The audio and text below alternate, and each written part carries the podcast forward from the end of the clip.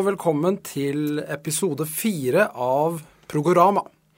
En progressiv podkast. Og jeg heter Anders Buås og har med meg som vanlig Henrik Kaupang. Hei, hei, hei, grabbar og grabberinor. I dag så skal vi prate om livealbum i progens verden. Yes. Og da har jeg bedt deg å finne fram dine fem favoritter i rangert rekkefølge. Yep. Og det samme har jeg gjort. Eh, Men før vi går løs på lista og diskuterer de albuma vi har funnet fram, så eh, kunne jeg tenke meg å spørre hva er det som du mener kjennetegner et godt livealbum? Um, bra lyd. Det må være kul lyd, liksom. Ne, ikke nødvendigvis perfekt lyd, men det må være litt, eh, må være litt eh, liv. Og så at eh, eh, spilleglede. At de, de klarer å vise at de liker det de gjør. At det er litt eh, gnist i spillinga. Bra settliste. Eh, kanskje eh, artig bantering, sånn småpjatting innimellom. Litt sånn spontane ting. Eh, det liker jeg.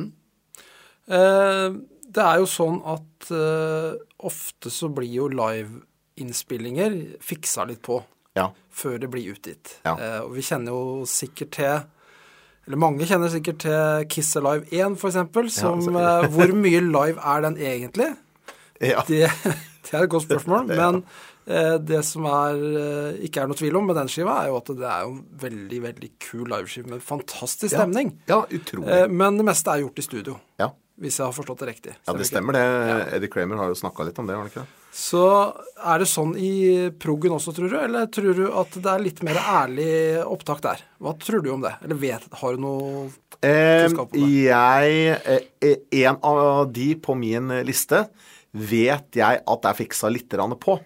Men da er det snakk om å ta vekk sure toner og eh, kanskje litt autotune av enkelte ting. Fordi at den, eh, den jeg sikter til da, i lista mi, den fins nemlig i en eh, rå utgave som ble sendt på TV en gang i tida. Og, og den har også da kommet ut i Som jeg har sett i hjel, for jeg tok jo den opp da jeg var liten. Og da eh, den, den har blitt gitt ut seinere. Mm, og da er det Da er det litt bedre lyd? Og, Eh, Det er bedre miks. Bedre mix Bedre og fiksa eh, og tre toner som jeg vet er fiksa på. ja. ja, men det er bra. Da virker det som du har hørt mye på den, hvis du kan telle hvor mange toner som er Ja, fiksa på etter å ha hørt den to ja, ganger. og så er det tatt vekk noen eh, Det er tatt vekk noe vokalting og sånn. Ja. Eh, Men, men uh, hovedsakelig da, så er det ikke ugjenkjennelig langt derfra. Du hører at det er så riktig. ja, men den, men- den kommer jo tilbake Ja, så vi kommer tilbake til, den etter men, hvert. men hvis du sammenligner andre sjangere og prog, da, hva tror du? Er det, er det mer eller mindre fiksing på en liveskive i prog-sjangeren? Hvis det er, hvis det er På 70-tallet så tror jeg det var mindre. Mm. For jeg tror at de var flinkere til å spille enn du nevnte Kiss, liksom. Det er jo en kjent sak at det var et skranglete orkester som sang veldig bra. Altså Mm. det, det, det Dårligere til å spille og bedre til å synge, det er jo kanskje litt sånn Kiss for meg, da. At de har utrolig kule stemmer og synger veldig fint. Men eh, ikke så habile til å spille, kanskje. Eh, jeg vet ikke. Jeg vet også kanskje at eh, den eh, en, en annen av de som jeg har her, er ikke to my knowledge ikke fiksa på i det hele tatt. Der har det dukka opp noen konserter som i sin helhet som ikke blei med på liveplata, men noen andre kutt, liksom. Eh, og de har det jo bare tatt ned fra en hylle og miksa og gitt ut, og det høres ganske likt ut, altså. Ja. Jeg har også den følelsen da at Ja. eh, veldig mange av de vi har på listene her, og, og i prog-sjangeren generelt, er litt mer ærlige enn kanskje en eh, et, av et veldig kommersielt stort band i rock eller pop, da, så at det er litt mer ærlig. Både fordi de musikerne er kanskje enda bedre til å spille, men også fordi det hører litt med eh, Ja. i sjangeren at man ikke Ja. fikser så mye på ting. Ja. Men jeg har ingen anelse. Det her er rein eh, synsing fra meg. Ok, nok om det. Vi eh, setter i gang med lista. Du får lov til å begynne. Okay. Nummer fem hos deg. Hva er det? Min nummer fem er en liveplate som du viste meg første gang. Oi. Faktisk. På DVD. Med en drage på coveret. Ja, da veit jeg hva det er. Ja, det er eh, Rash, Rusk, eller Rush som det også heter, eh, i Rio. Ja. Det syns jeg er en fantastisk kul liveplate. Videoen er kul òg, men den er jo gitt ut separat på CD og Ikke sant? Så jeg eh, har den med på lista. Eh, jeg kunne valgt hva som helst av Rush eh, sånn sett, fordi at de har gitt ut flere gode livealbum, og mange de siste åra. Jeg må jo også si da at eh, man kan jo kanskje piske meg for at jeg ikke har med Exit Stage Left og All the World's a Stage og sånn, men jeg liker stemmen til Gedili bedre etter 1990. Eh, og eh, her får jeg da litt sånn best of both worlds, på en måte, for at settlista er jo langt som et vondt år.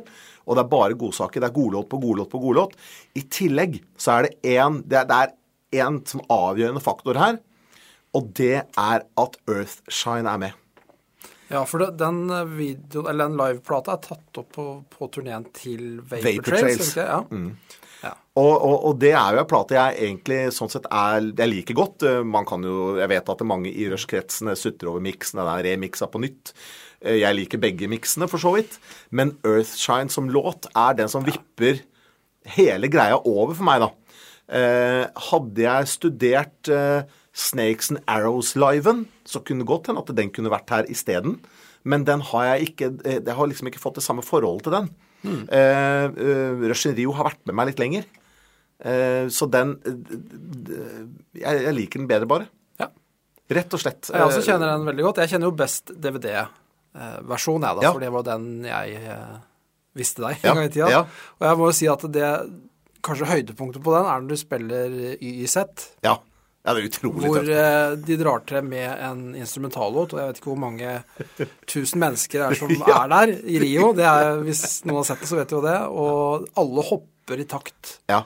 til en instrumentallåt som eh, går i diverse taktarter. Det er ganske spesielt å se på. kanadisk prog-trio i Ja, ja, det er eh, Alt er feil, og alt stemmer. Ja, det er, altså det er, det er noen sånne gåsehudøyeblikk på den liven der som er Det er nesten ikke til å tro. Det er nesten ikke til å tro. Det er bare helt sånne enkle ting som starten av Tom Sawyer, som alle har hørt en million ganger. Bare en sånn greie er gåsehud på den uh, plata der. Så min nummer fem, Rush in Rio. Så bra. Og du?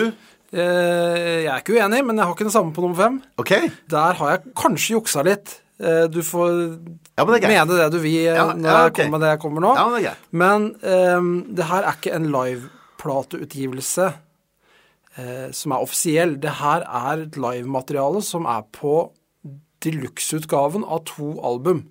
Ja, men det går. Uh, som er fra samme periode, da. Ja, men det går.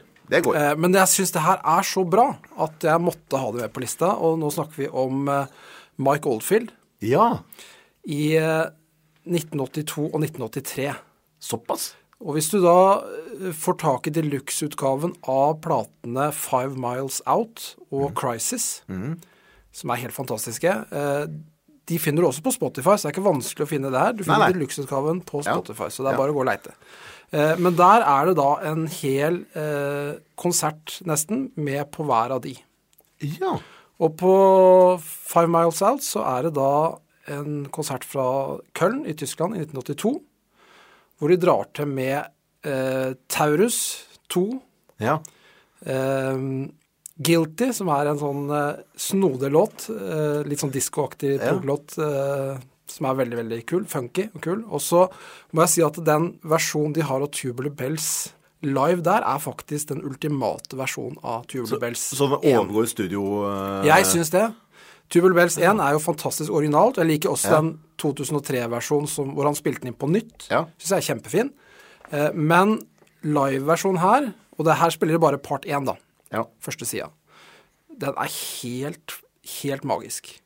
Så hvis du har sansen Ja. for Tubular Bells og ikke har hørt live i Köln 1982, Steike. så sjekk ut den. Og da er det med Maggie Riley som synger, og da synger også en del av, av stemmene der. Ja. Det er ganske kult. Som da originalt var på et annet instrument. Så den er litt sånn sprek og fresh og, ja, det er spennende.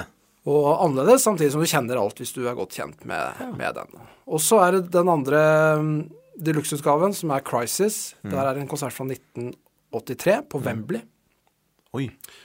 Hvor han da kjører Og da er det Moonlight Shadow-perioden sånn, så han Ja. kjører jo en del hits òg, men der også spiller han jo da um, Family Man, Shadow on the Wall, Taurus 1 og 2, og hele Crisis, den 20 minutter lange Ja. låta fra den skiva.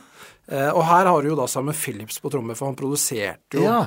Mike Oldfield på den tida her. Ja, det er jo perfekt her. Så, og Maggie Riley synger, da. Så det her er Bandet på de to konsertene her er helt enormt, og det er så bra lyd og spilling, og alt er eh, på topp. Men det er ikke en uh, offisielt live-utgivelse, da. Nei, men det er jo mange band som har gitt ut uh, mye sånt nå i de seinere åra.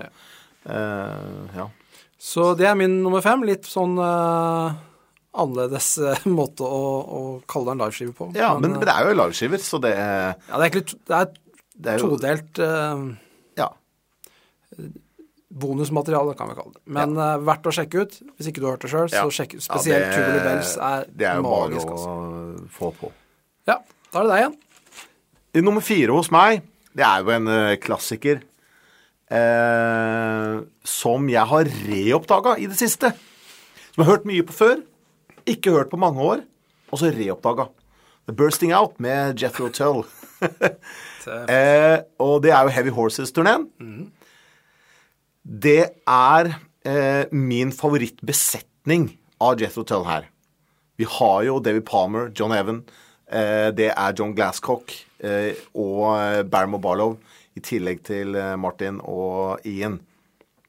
Eh, jeg er litt, eneste, jeg har én ting å utsette litt av, og det er kanskje derfor den ikke er høyere på lista. Det er at det er for få låter fra Heavy Horses på plata som ikke kom med. Eh, men det dekker utrolig godt over hele karriera til Jethro Tull fra start til da.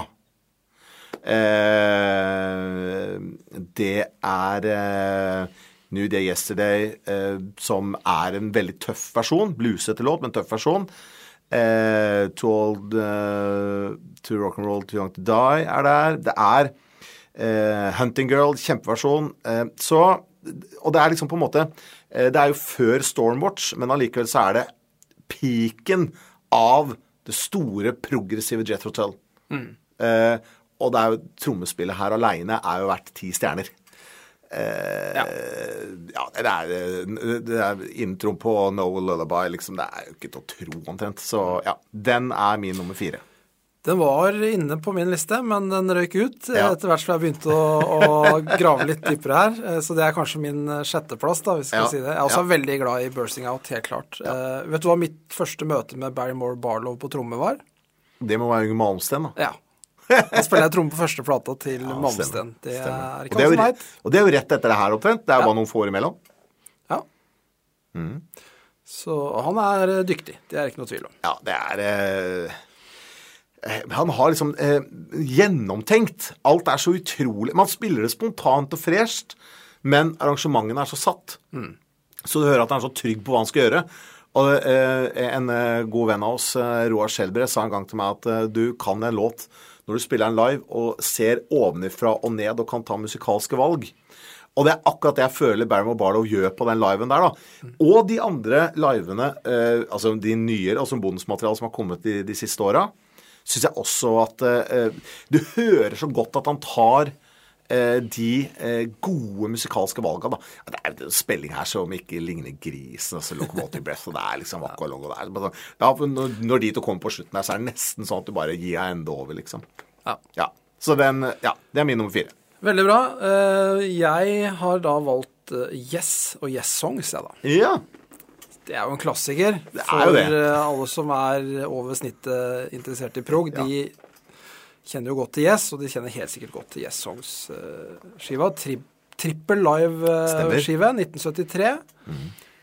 Tatt opp på to forskjellige turneer, fra Fragile og Close to the Close to the Edge, ja. Edge-turneen. Og her er det to trommiser inne i bildet, for her er, fikk, får du med både Bill Bruford Ja. før han slutta, og så får du også med noe med Alan White etter at han tok over, da. Ja. Um, og det er tatt opp visstnok i uh, USA og Canada. ja. Og selvfølgelig da miksa og gjort av selveste Eddie Offord, som gjorde alle de klassiske eh, Yes-skivene fra den tida her sånn. Um, det som er veldig bra med det, er at her, som du sa med Jet og Tull, så får, her får du også hele karriera presentert så langt. Ja. Fra Yes. Du får alt det beste. Ja. Eh, Og litt til, for du får også litt solonummer. Altså Ja. du får utdrag fra Six Wives of Henry VIII med um, Rick Wakeman, og Mm. Ja. du får et solonummer fra Steve Howe, 'Mood for the Day'. ja. Um, og også noen andre overraskelser. The Fish er vel med her òg? Ja, jo, stemmer det. Stemmer det. Ja. Så det er jo klassisk eh, Yes-lineupen, og du får alt eh, det beste. Og du får også en fantastisk intro. Eh, vi skal komme tilbake til en enda bedre intro på liveskiver enn etterpå, men eh, 'Ildfuglen' av Stravinskij, Ja, å starte med det, det er ganske tøft. Ja, setter det setter jo, setter jo stemninga. Så mm, det er min eh, fjerde. Jeg har alltid syntes at den har så heftig lyd. Og så syns jeg at det, det, noe av det som er Man kan oppleve som litt pling-plong av Yes i studio. Det er luka vekk og erstatta med power på den der. Så den var også inne på vurdering på min liste, altså. Ja, jeg synes jo, altså Det er god lyd, det er god produksjon, men det er veldig rå. Ja, ja det, men det er det jeg mener. Det er det jeg liker litt. røff, Den er litt uh, hard. Her eh, skal det godt gjøres å overbevise meg om at jeg fiksa mye på den her, altså. Ja. Uh, her tror, det her tror jeg er ganske ærlig i forhold til andre liveopptak man finner, som, ikke, Mm. som garantert ikke er fiksa på, som er bare et kamera, liksom. Um, så det er, det er kult, og det, de spiller jo som ja, altså det var, De var jo på topp da. Det, de har vel aldri vært bedre enn akkurat den. Nei, det, Den det, tida det, der, tror jeg faktisk. Ja, det er, der er du nok inne på noe. Helt klart. Ja, Ja, er vi inne på topp tre da, plutselig? det er vi. Eh, min topp tre, første der, altså nummer tre hos meg, er Get All You Deserve, Steven Wilson, Live Mexico City.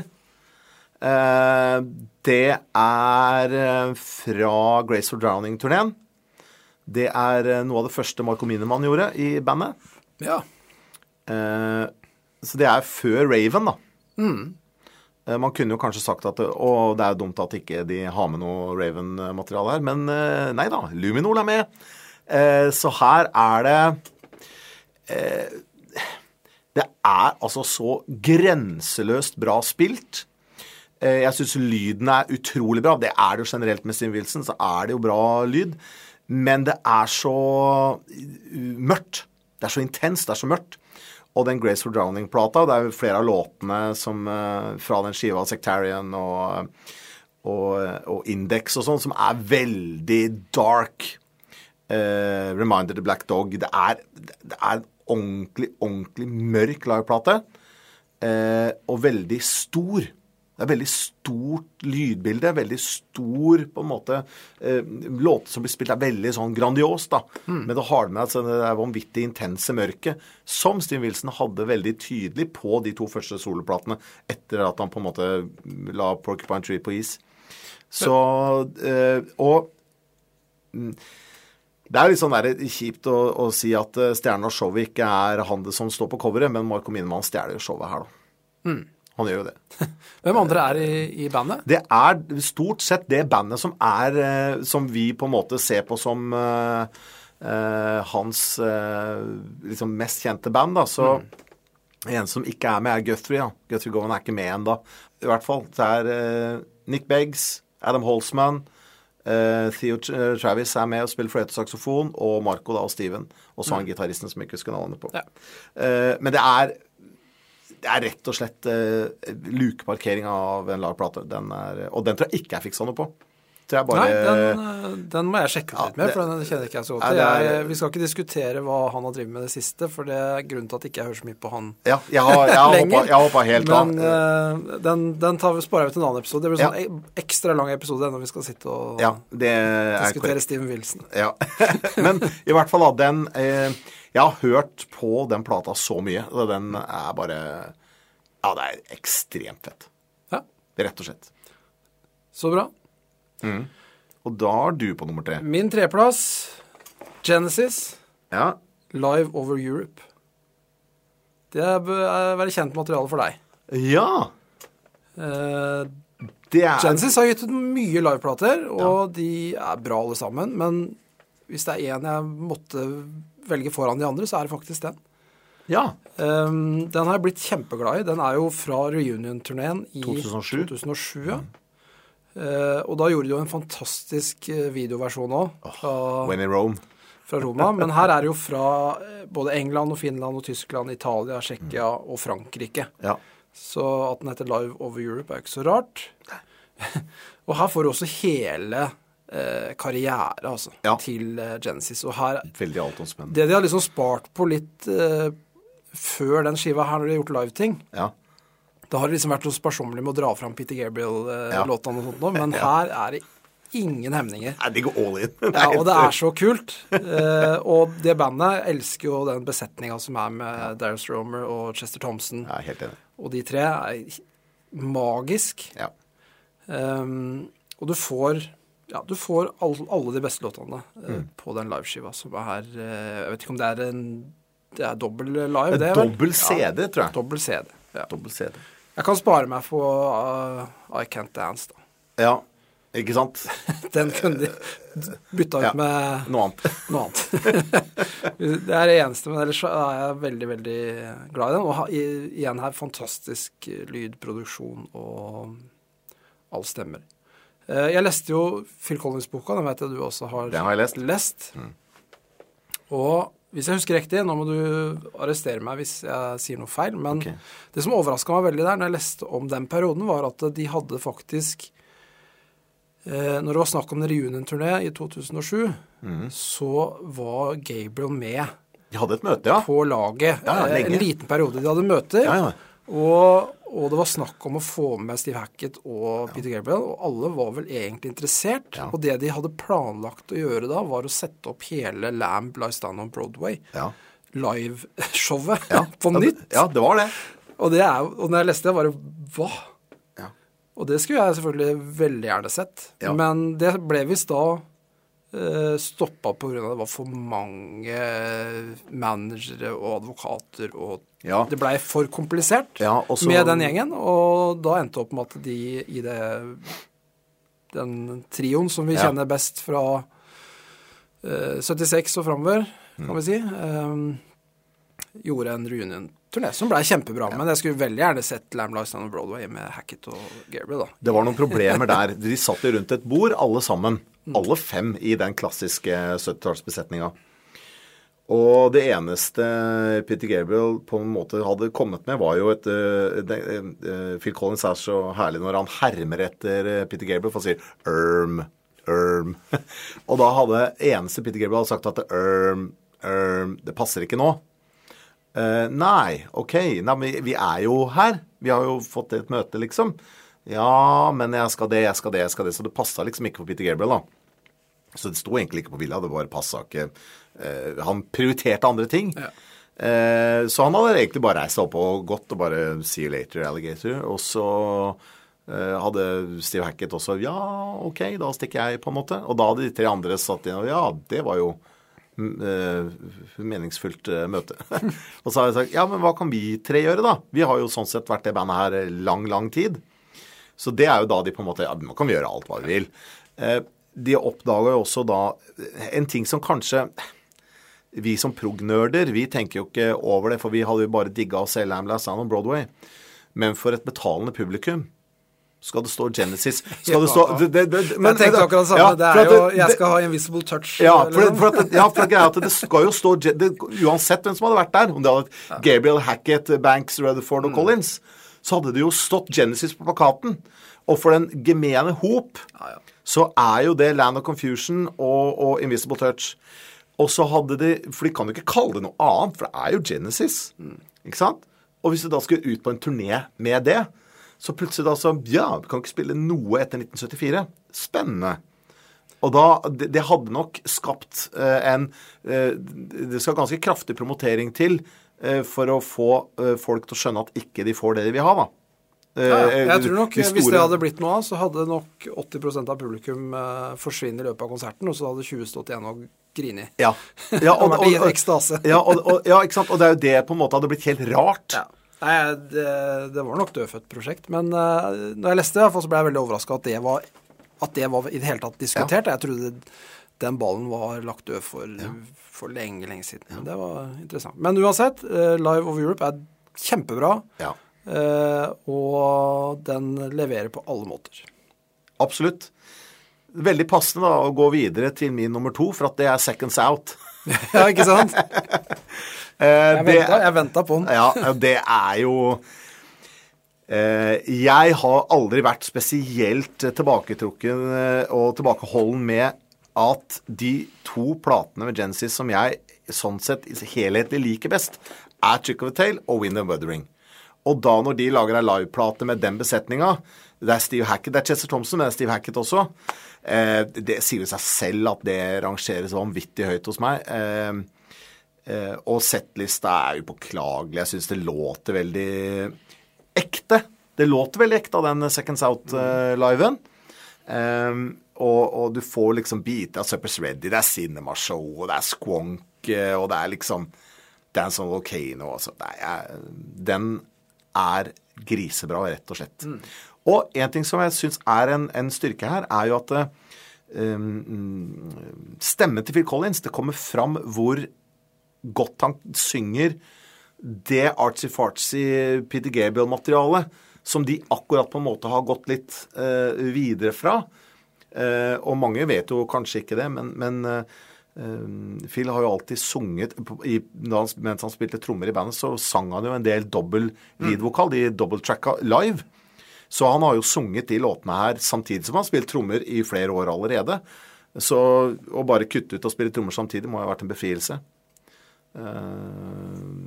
Ja, jeg er også veldig overraska første gang jeg hørte den, over hvor godt uh, Collins uh, sang Carpet Callers, blant annet. Materialet, ja, Ja. Det funker, funker kjempebra. Ja.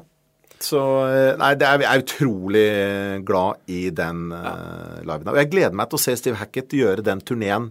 Han skal gjøre en Seconds Out-turné Ja. uh, som han har utsatt nå selvsagt to ganger. Det gleder jeg meg til å se veldig.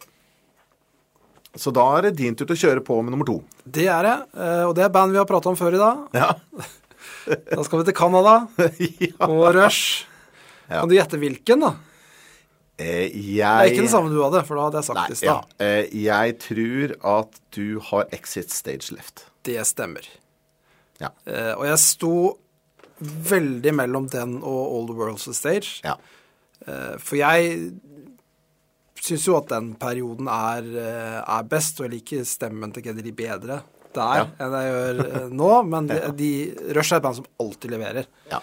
Så det er ikke det, men jeg må si den perioden her er, er nok favorittperioden. Og jeg valgte Exit Stage Left fordi det er bedre settliste. Ja. Det eneste jeg savner, er ei 2112. ja. Den skulle jeg gjerne hatt på denne skiva. Men bortsett fra det, så syns jeg den er helt enestående. Og den er jo da tatt opp på to turneer, den òg. Jeg leste meg litt opp på det. Den er tatt Ja. opp på både Permanent, Permanent Waves i 1980 og Moving Pictures-turneen i 81. Eh, så Har vel blitt det- fronta litt som Moving Pictures-liven. Ja, man tenker jo det, da. For du har de Du ser liksom ofte på hvilke låter som er Ja. ferskest også. Ja. Jeg tenker meg at det er den turneen, men det er faktisk ja. turneen før også. Det er kult. Eh, tatt opp da i Skottland og Canada. Eh, og her er det banker jo på med, med godlåter. Red Bachetta, YZ, Jacob's Ladder. Ja. Fantastisk Ja. å få den live. Ja, og Sanadu, The Trees. Ja. Eh, Tom Sawyer, selvfølgelig. ja. Eh, må de jo spille, selv om Ja. den er kanskje hørt nok.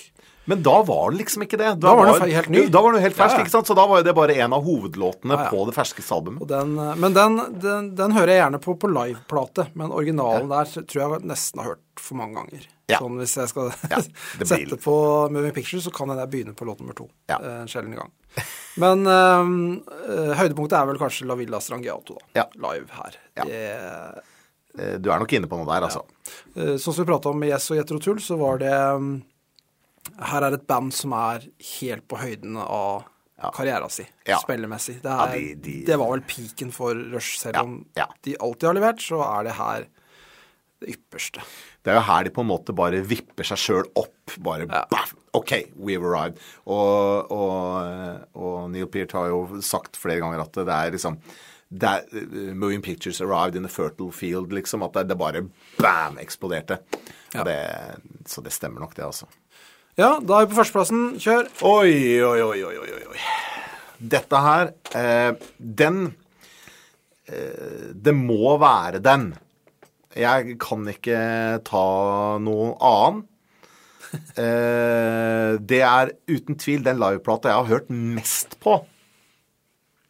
Og det er Pulse. Ja, Pink Floyd. Rett og slett. Eh, den er jo gitt ut eh, på DVD og sånn nylig også, men, men plata er jo Den er jo fra 95, eller det i hvert fall 94-turneen. Hva kan jeg si som ikke er sagt om The Pulse? det er liksom eh, Grunnen til at den er min nummer én, da, er jo eh, fordi at det er den liveplata som har definitivt vært med meg eh, tettest lengst. Jeg har hørt flere ganger på den enn en andre liveplater. Kanskje bare ved siden av uh, Made in Japan Purple, liksom. Men uh, jeg elsker lyden her. Jeg elsker spillinga. Versjonen av Shine and Crazy Diamond tror jeg er bedre enn originalen fra Wish You Were Here. Jeg elsker at de har med uh, låter som Keep Talking, og det er Eh, Coming Back to Life. Jeg, jeg, jeg syns at de eh, Og på også CD-versjonen har jo Hey You i en utrolig bra versjon. Run Like Hell tror jeg aldri har låt så bra. Nei, The Pulse Ferdig snakka. Det er mitt ultimate livealbum uansett sjanger, tror jeg. Du verden. Det hadde jeg ikke tippa at det var på din førsteplass, men når du sier det, så er jeg ikke så overraska likevel. Nei. Nei for det er litt sånn selvsagt.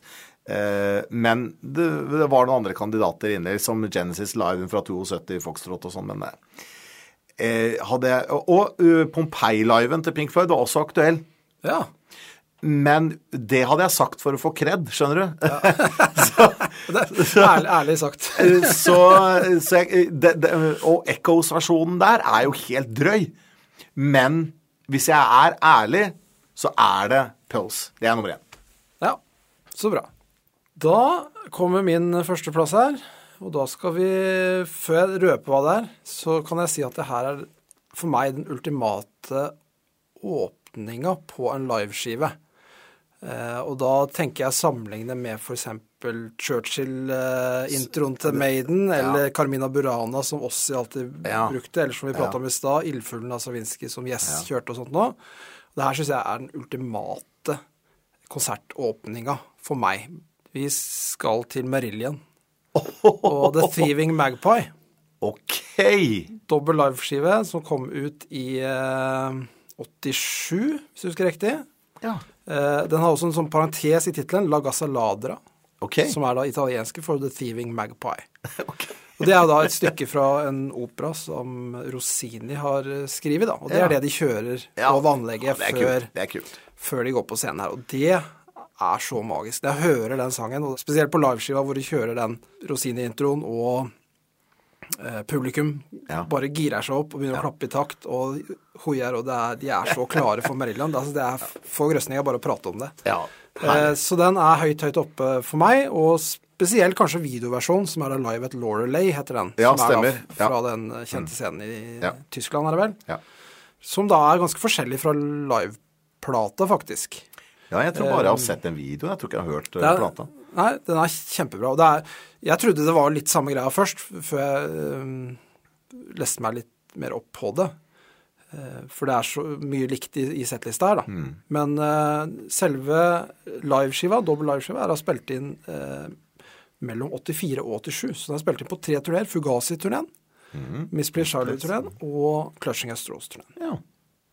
Så der har du uh, ganske mye eh, ja. forskjellig. Og eh, en settliste som er helt, helt fantastisk. Som igjen oppsummerer hele Fish-perioden Fish til Marillion. Mm. For det var jo siste han gjorde med bandet. Så her får du alt det beste fra Script for Justice Tear. Kjører jo selvfølgelig, og de kjører mange låter fra Fugazi, som er min favorittskive. Mm. Eh, og de kjører ut hele side én på Miss Blair Charlotte, og så kjører de jo det aller meste fra Crushing Against Ross. Og topplyd, topproduksjon, Punch and Judy, He Knows You Know, Script, og det er bare en, en fest i Marillion fra Fish-æraen, da. Deilig. Så den er jeg veldig, veldig glad i. Både eh, skiveversjon og eh, videoversjon. Ja, jeg tror at du viste meg den videoen en gang. Ja. Så det er eh, helt klart min eh, nummer én. Deilig! Ja, den så du ikke komme. Den så jeg ikke komme. Nei. For så lenge siden jeg har tenkt på den. Ja, ikke sant? Det var liveskiver. Det var liveskiver. Topp fem. Eh, kanskje de som hører på, vil skrive sin topp fem liveskiveliste og legge jeg. i kommentarfelt og sånn nå. Det har vært kjempekult å fått innspill. Eh, ellers så er det vel ikke så mye mer å si. Vi får bare si takk for følget i dag. Eh, kommenter og arrester, og så ses vi neste gang. Arrivederci.